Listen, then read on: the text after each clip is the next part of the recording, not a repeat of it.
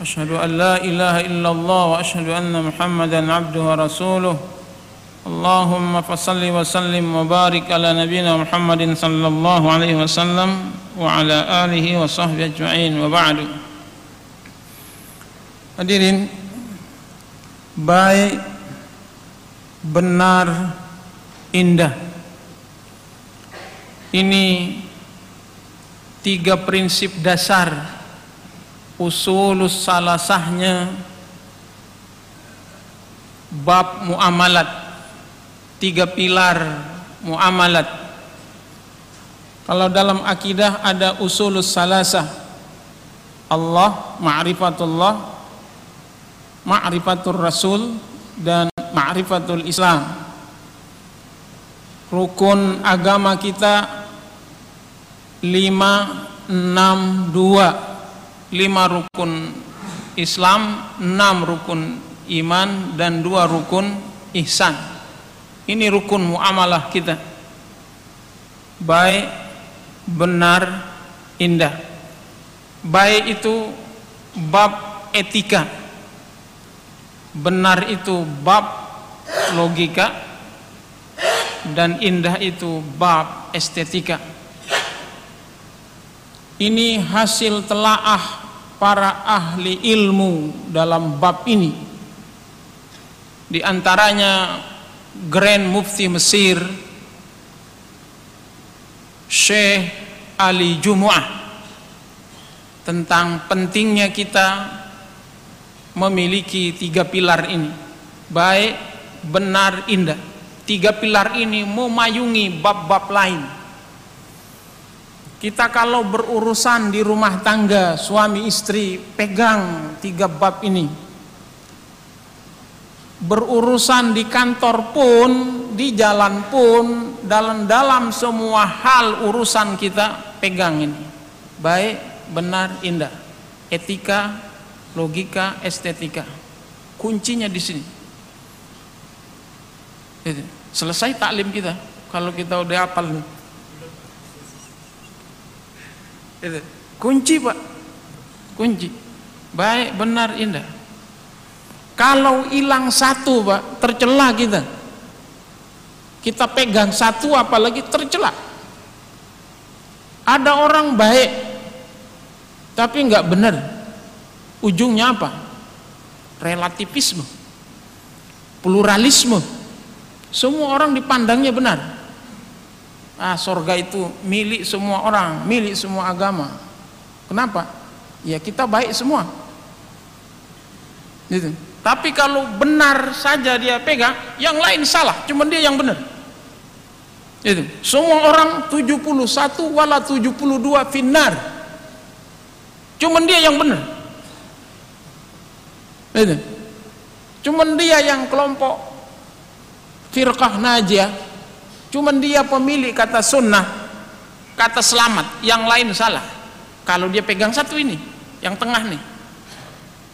Itu atau dia pegang dua baik benar tapi nggak indah pak. Apa dibilang? Kurang ajar loh gitu. Kurang ajar. Nggak punya aturan gitu. Maka tiga-tiganya kita karyawan, kita suami, kita atasan, kita bawahan, di mana pun pegang tiga ini. Apalagi kita orang timur, Pak. Indonesia ini itu nggak rame, nggak ada lo gitu. Maka kita harus tiga-tiganya kita pegang, jangan dua-dua, tiga. Baik, benar, indah. Kita lihat latar belakang topik ini tentang magnetik Islam. Islam ini punya magnet, Pak. Magnet. Itu yang disebut di dalam Al-Qur'an wa ra'aitan nasa yadkhuluna fi dinillahi afwaja. Kalian lihat orang nanti berbondong-bondong masuk agama ini. Dan itu sudah dituntaskan oleh Rasulullah sallallahu alaihi wasallam ketika turun kepada Nabi dua surah ini. Surah Al-Fat tahun ke-6 umrah eh, Hudaybiyah dan suratul Nasr. Surah ini ada surah Al-Fat surah ke-48 dan surah An-Nasr. 89 hari usia Nabi tersisa ketika suratul Nasr itu turun. Dan solat kita, bacaan solat kita jadi semakin indah dengan turunnya. Fasabbih bihamdi rabbika wastaghfirhu. Dan Nabi semakin meningkatkan ibadahnya ketika Allah berfirman innahu kana tawwaba. 89 hari setelah itu Nabi meninggal dunia. Sebelumnya kita lihat kajian sirahnya dulu Pak. Fakta sejarah ini kan konsep teologinya. Saya mau konsep sirahnya dulu agar kita ngunyahnya enak bulan Sofar tahun 7 Hijrah di kilometer 150 arah utara Madinah itu ada benteng Khaybar. Benteng Khaybar. Ini kemenangan pertama Rasulullah sallallahu alaihi wasallam ketika ditaklukkannya benteng Khaybar ini benteng Khaybar ditaklukkan dengan damai. Terjadi perjanjian damai Islam Yahudi. Perjamuan. Perjamuan. Dalam perjamuan itu ada seorang wanita Khaybar Yahudi yang menawarkan menu kesukaan Nabi kata para sahabat kambing.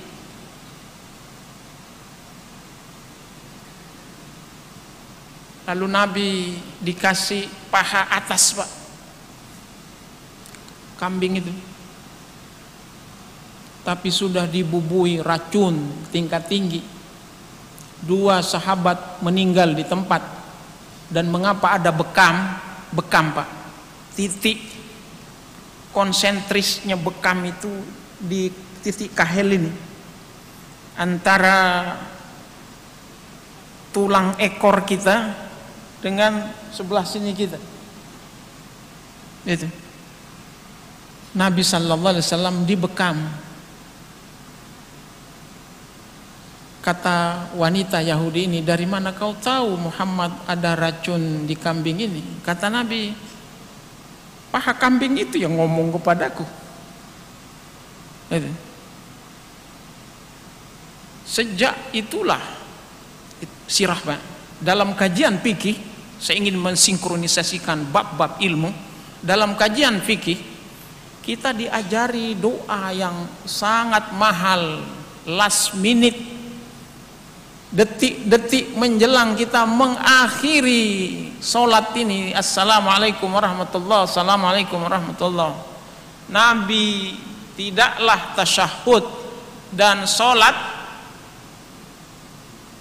imma wajib imma sunnah kata para ulama karena lafadznya umum kecuali Nabi membaca tiga doa perlindungan dua doa perlindungan dan tiga doa fitnah.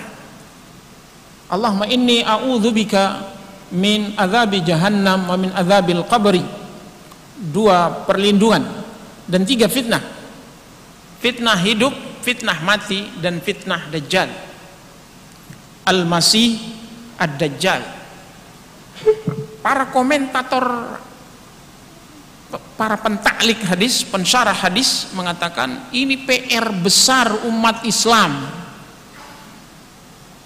Ketika dimasukkan oleh syariat yakni fitnah dajjal. Dajjal dengan D kecil lokal atau Dajjal dengan D besar global. Dan kita diminta satu-satu untuk membaca doa ini. Itu tanda Islam ini harus mencari jalan solusi untuk keluar dari fitnah dajjal ini Pak. Apa itu? Antara lain magnetik Islam. Kita lihat tiga surah ini Toha 44 Ali Imran 59 Al-Ankabut 46 menghadapi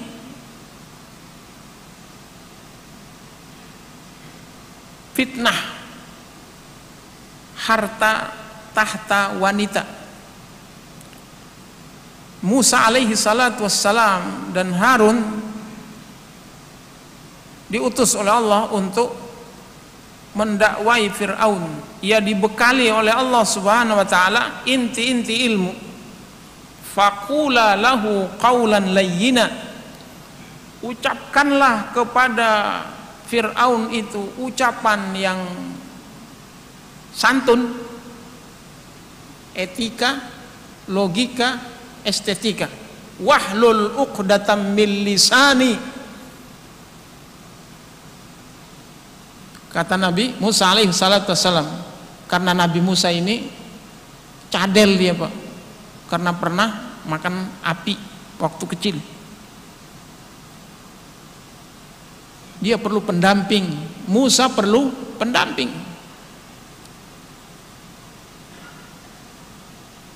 Waj'alli waziran min ahli Haruna akhi.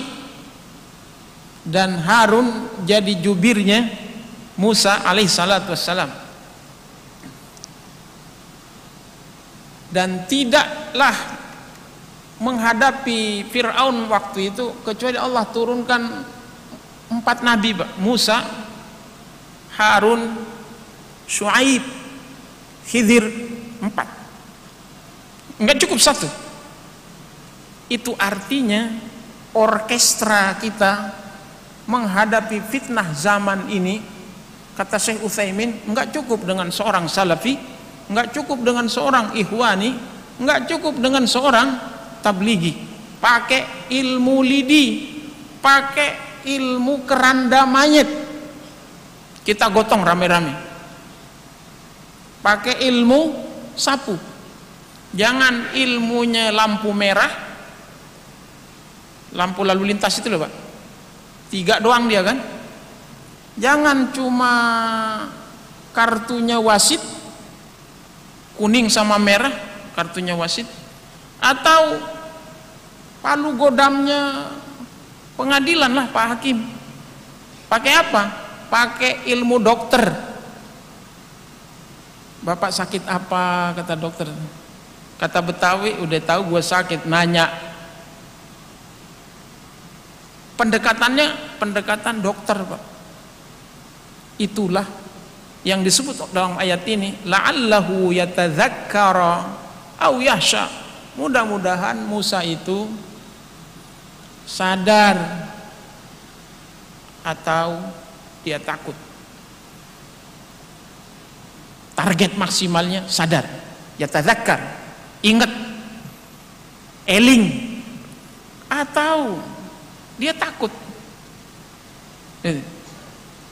nggak perlu dia uh, 180 derajat berubah pak. Dikit aja.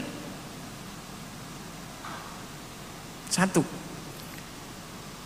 Lalu kepada Rasulullah turun ayat walau kunta fadzan ghalidhal qalbi lam faddu min haulik wahai Muhammad kalau engkau kasar sama kaum Quraisy sama umatmu mereka akan lari darimu karena itu Rasulullah mendidik banyak sahabat untuk berperilaku ini Pak. Baik benar indah. Salah satu contohnya mengapa Nabi memilih Abu Bakar Siddiq radhiyallahu an untuk menjadi teman hijrahnya? Padahal kalau soal pendekatan security aspek sekuritas mestinya milih Umar. Orang takut sama Umar. Tapi nggak dipilih oleh Allah. Itu ketika turun izin ayat izin hijrah kata Abu Bakar itu berarti aku dipilih oleh Allah untuk menemanimu. Kata Nabi iya. Dan orang nggak ada yang nyolek Abu Bakar Siddiq ketika hijrah. Nggak ada yang nanya. Dan Nabi bersiasat maka bawah ini tiga ini baik benar indah itu adalah mahasinul Islam interior dan eksterior Islam. Tiga ini baik benar indah. Karena itu kalau kita lihat sirah sahabat satu sama lain kata Khalifah Umar bin Abdul Aziz itu saling melengkapi di mana aspek baik aspek benar aspek indah menyatu dalam dirinya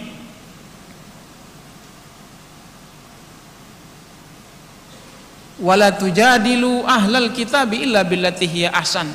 Jangan suka petantang petenteng nantang debat pak. Kenapa? Kata orang Sumatera menang jadi arang kalah jadi abu. Itu. Kalaupun terpaksa dengan baik benar indah. Illa billati hiya ahsan. Ahsan adalah level ketiga kebaikan.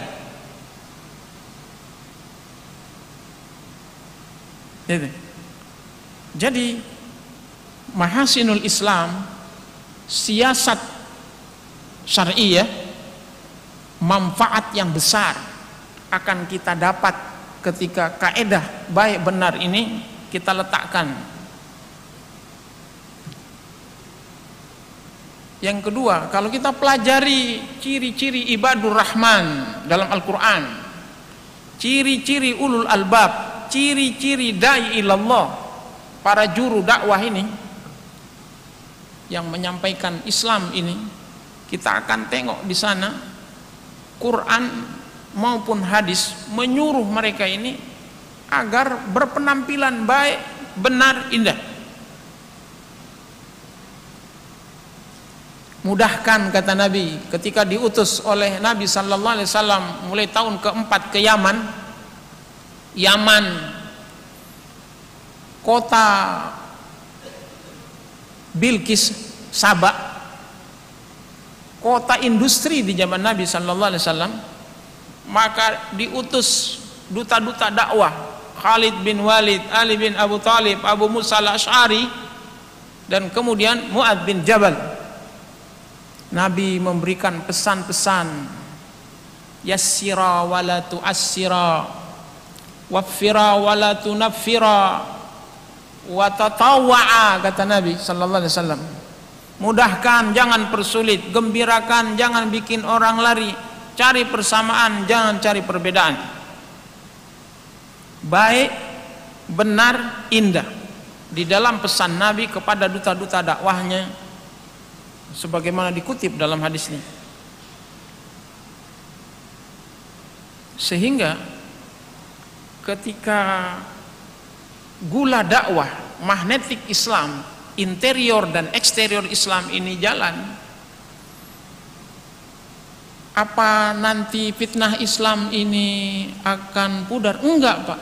Pro kontra tetap akan ada. Tetapi paling enggak mereka berpikir dua kali untuk berbuat yang sama terhadap kita. Sebagaimana sirah mengatakannya. Poin B. Landasan teologis baik benar indah. Kita lihat Ka'bah kita Pak. Kita lihat Ka'bah kita. Ka'bah kita ini ada di tengah bumi ada di negeri Miqat. Karena itu Ka'bah.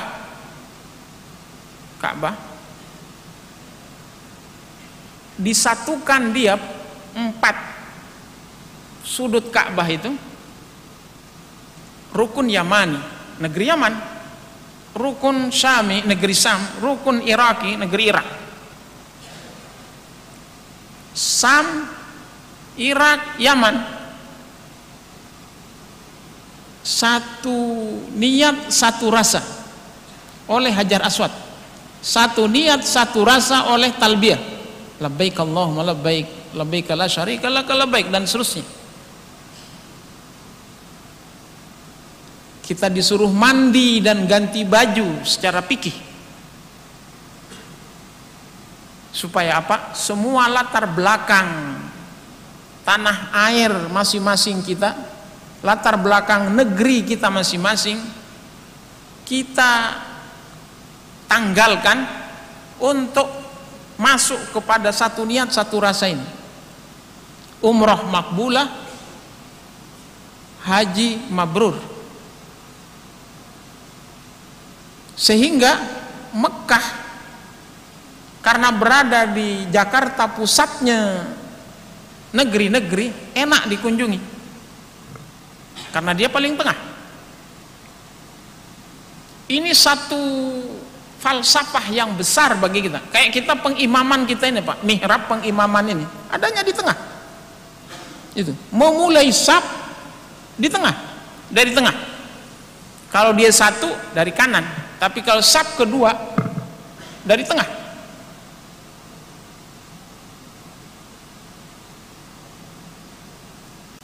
ini menunjukkan kepada kita tentang sifat yang kedua ini aspek policy. Policy maker kita itu adalah orang hidup ini pasti punya urusan pasti punya masalah. Dan Nabi menyuruh kita untuk memutuskan memilih memutuskan masalah pertengahannya.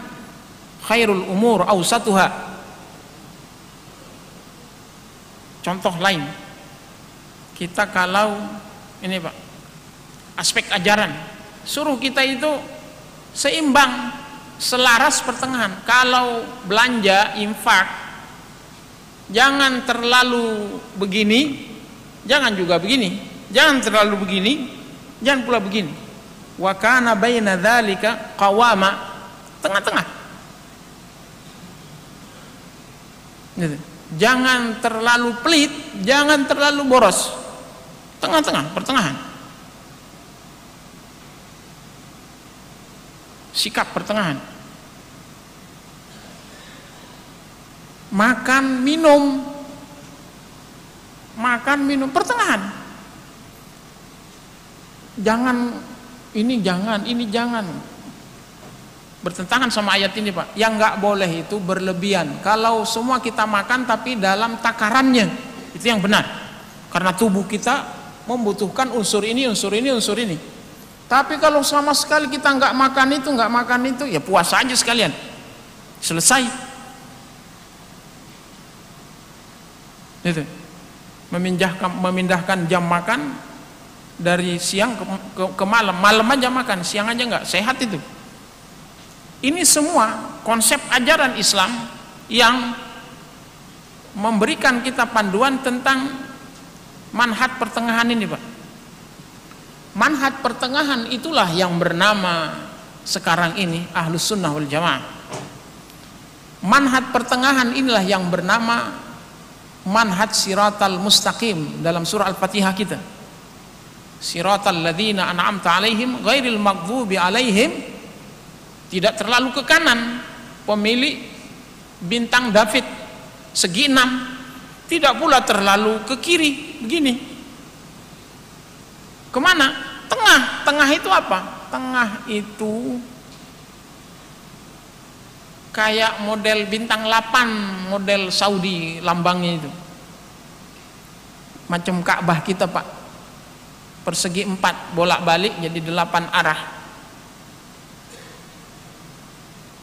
Dan ini berlaku abadi kata Imam Ibnul Arabi dalam tafsir ahkamul Qur'annya ketika menjelaskan surah Al-Baqarah ayat 143. Wa kadzalika ja'alnakum ummatan wasatan litakunu syuhada 'alan nas.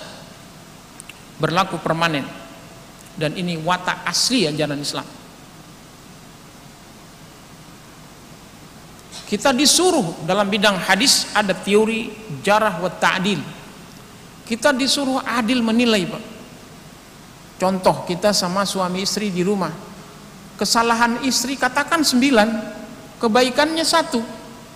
kita harus ambil kebaikannya yang satu itu dan kita buang kita didik kita edukasi kesalahannya yang sembilan tadi kalau ada gelap tapi ada satu cahaya masuk di situ kalah gelap itu dengan satu cahaya panas setahun kalah sama hujan sesaat gitu adil menilai kelompok-kelompok Islam ini bermasalah satu sama lain karena tidak adil menilai. Rame jagat sosial kita ini kenapa? Tidak adil menilai. Pisau keadilan ini baik benar indah nggak dipakai, nggak dipakai. Sorga kita pak, sorga kita. Fa idza sa'alta al jannah fas'al jannatil firdaus. Kalau kalian minta sorga jangan tanggung-tanggung kata Nabi. Minta sorga paling istimewa paling tengah paling tinggi. Fas'alil firdaus fa innaha ah fa innaha ahlaha wa ausatuha wa ahsanuha. Sorga Firdaus itu paling tengah biar gampang dikunjungi oleh yang kanan kiri muka belakang oleh utara selatan oleh timur barat paling tengah. Dan di dalam hadis sahih Ibnu Majah disebutkan wa alaiha yudhaul arsy yaumal qiyamah dari sorga Firdaus ini Allah jadikan sebagai tatakan Pak. Tatakan singgah sananya pada hari kiamat. Dan dari sorga Firdaus itu memancar sungai-sungai sorga yang Al-Quran bilang jannatin tajri min tahtihal anhar. Khalidina fi abada. Sorga kita paling tengah.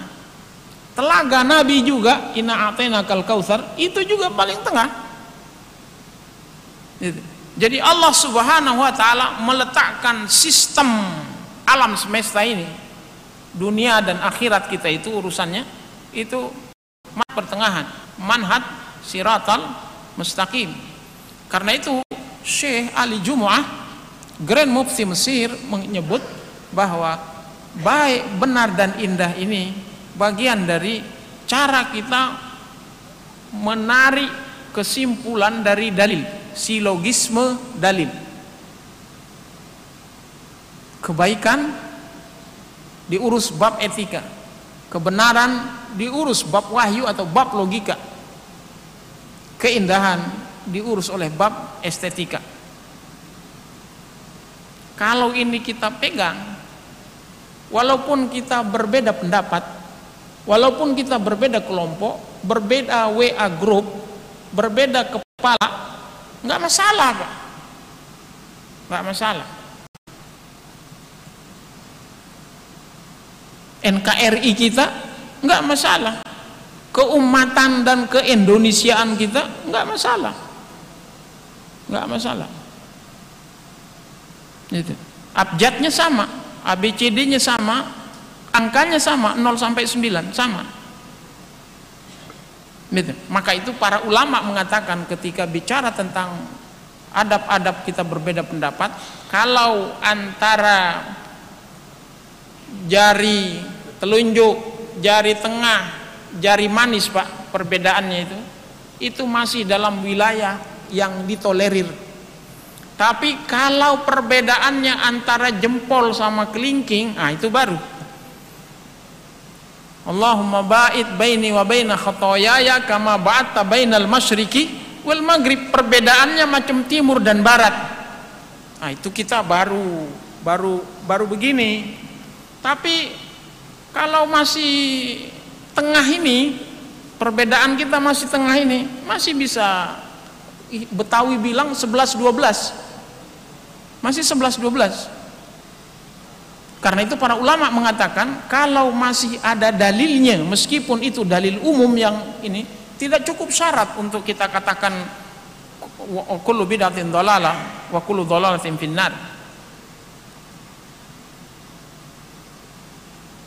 maka inti ilmu tiga ini. Hikmah insaniyah ilahiyah inti ilmu adalah harmoni. Harmoni. Yang harmoni ini kenapa? Karena pandangan kita falsafah yang kita pegang adalah hikmah. Hikmah Pak. Nabi Hidir sama Nabi Musa ilmunya beda. Ilmunya beda. Beda manhaj itu Nabi Musa sama itu. Tapi karena hikmah insania ilahiyah ada di dalamnya kan kata Nabi Hidir hadza firaqu baini wa bainak inilah perbedaan antaraku dan antara kamu wahai Musa. Itu. Tapi tapi Nabi Musa enggak mumpun bagaimana sih kamu ini? Itu kan. Padahal Nabi Nabi Hidir melakukan hal-hal yang fatal, Pak. Kaget Nabi Musa, tiga-tiganya Nabi Musa nggak lolos. Itu. Kita beda kiraah saja, beda kiraah. Oh bisa kita katakan batal ini sholat ini. Kita nggak baca Bismillah pada Fatihah saja. Kalau sholat Jumat Pak, jamaah bilang itu ini Fatihah nggak punya kepala. Itu harus Bismillahirrahmanirrahim kalau langsung Alhamdulillahirrabbilalamin ah ini Fatihah nggak punya kepala itu itu apa inti ilmu trilogi ilmu itu nggak duduk pak. Nggak duduk. Kacamata kuda dipakai. Itu jadi salah pasang kacamata. Itu problematika kita yang lain. Nilai-nilai ini semua yang menyebabkan kita untuk mengambil kesimpulan, ini contoh Pak, contohnya ini Pak. Allah mencocok-cocokkan surah Nur ayat 2 26 ini tentang perjodohan. Perempuan yang baik cocoknya untuk laki-laki yang baik. Perempuan yang musyrikah cocoknya untuk laki-laki yang musyrik. Itu. E, wanita pezina cocoknya untuk untuk ah, gitu ini yang disebut tadi silogisme itu Pak. Kita harus seperti ini. Lihatnya itu tadi, kalau jari tiga tengah ini masih perbedaan kita masih jari tengah tiga ini, itu masuk dalam wilayah-wilayah yang dapat ditolerir. Bukan antara kelingking sama jempol. Jadi, maka saling melengkapi saling menggenapkan kita ini pasangan sejoli saling menyokong satu sama lain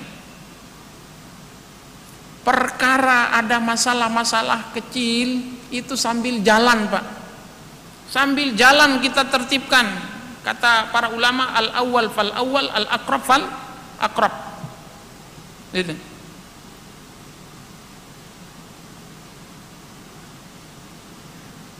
Nih kesimpulan yang e, baris terakhir ini Pak. Kebaikan tanpa kebenaran ujungnya pluralisme. Kebaikan tanpa keindahan ujungnya mentang-mentang. Kalau dipers teori ini. Gitu. Setinggi-tinggi etika kita mau mengambil satu di antara tiga ini etika.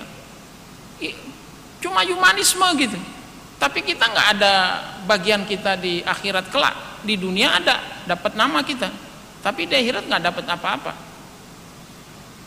itu